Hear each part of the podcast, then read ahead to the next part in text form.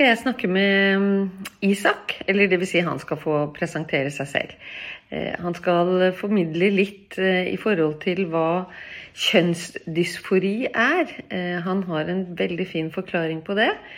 Og istedenfor å skrive det, så skal dere få høre Isak fortelle dette selv. Vær så god, Isak. Hei, mitt navn er Isak eh, Bradley, og jeg jobber som erfaringskonsulent i Bergen kommune. Jeg er også leder av PKI, som er pasientorganisasjonen for kjønnspsykogrens. Som er Norges største pasientorganisasjon. I dag skal jeg ta dere gjennom en øvelse som jeg pleier å gi til eh, foreldresamlinger, lærere, psykologer og helsesykepleiere. Um, denne øvelsen er det, det, mest at du skal lytte og prøve å forstå uh, så mye som mulig uh, hvordan transopplevelsen er. Så det første jeg vil at du skal gjøre, er å lukke øynene dine. Du skal bare lytte til min stemme gjennom denne øvelsen. Og så skal vi sammen puste inn og ut.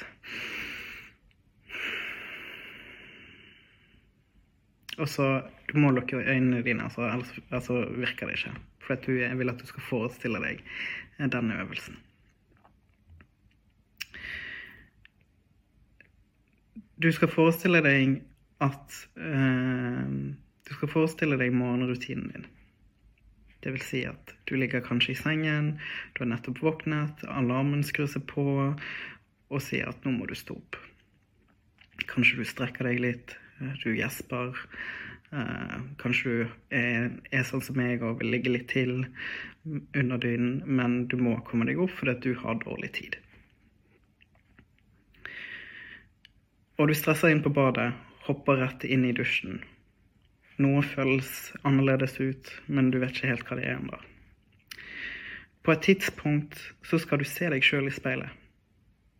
Og det du ser, er noe Eh, det motsatte skjønnet av det du identifiserer med i dag. Det betyr at du kan hende at du har ingen hår. At du har mer hår.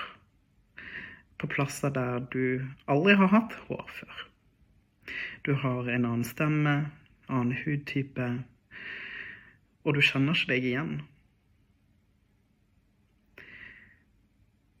Og så skal jo dagen fremover, denne dagen, gå videre.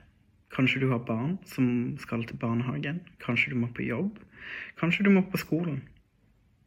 Og alle kommer til å se noe helt annet enn det du føler deg som. Alle andre kommer til å ha andre forventninger til deg som er uoppnåelige. Dysfori er som å ha Som å være i krig mot seg sjøl. Um, og dysfori er veldig, veldig bredt. Det er veldig individuelt. Og det kan være alt fra hvordan um, Hvis folk sier feil pronomen, så kan det trigge dysfori. Det kan være uh, at uh, noe antar noe om deg, hvordan du sender meldinger, hvordan du høres ut. Eh, det, det, er liksom andres eh, oppfatning av deg som kan trigge dysfori også. Dette var en veldig kort øvelse, og dette gjenspeiler ikke alle sine opplevelser. Og det er en veldig binær forståelse av hva dysfori er, og det kan variere fra person til person, og fra kjønnsidentitet til kjønnsidentitet. Jeg vil også nevne noe om uh, eufori. Eufori er en overveldende glede uh, av at skjønnet man identifiserer seg som, uh, er liksom Det er noe som kan vare lenge.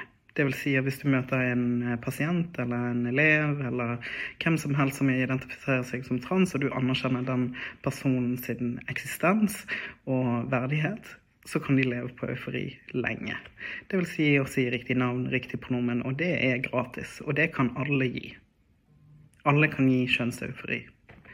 Det er forståelsen og viljen til å gjøre det. Til å anerkjenne at vi, er, vi lever i et mangfoldig eh, samfunn.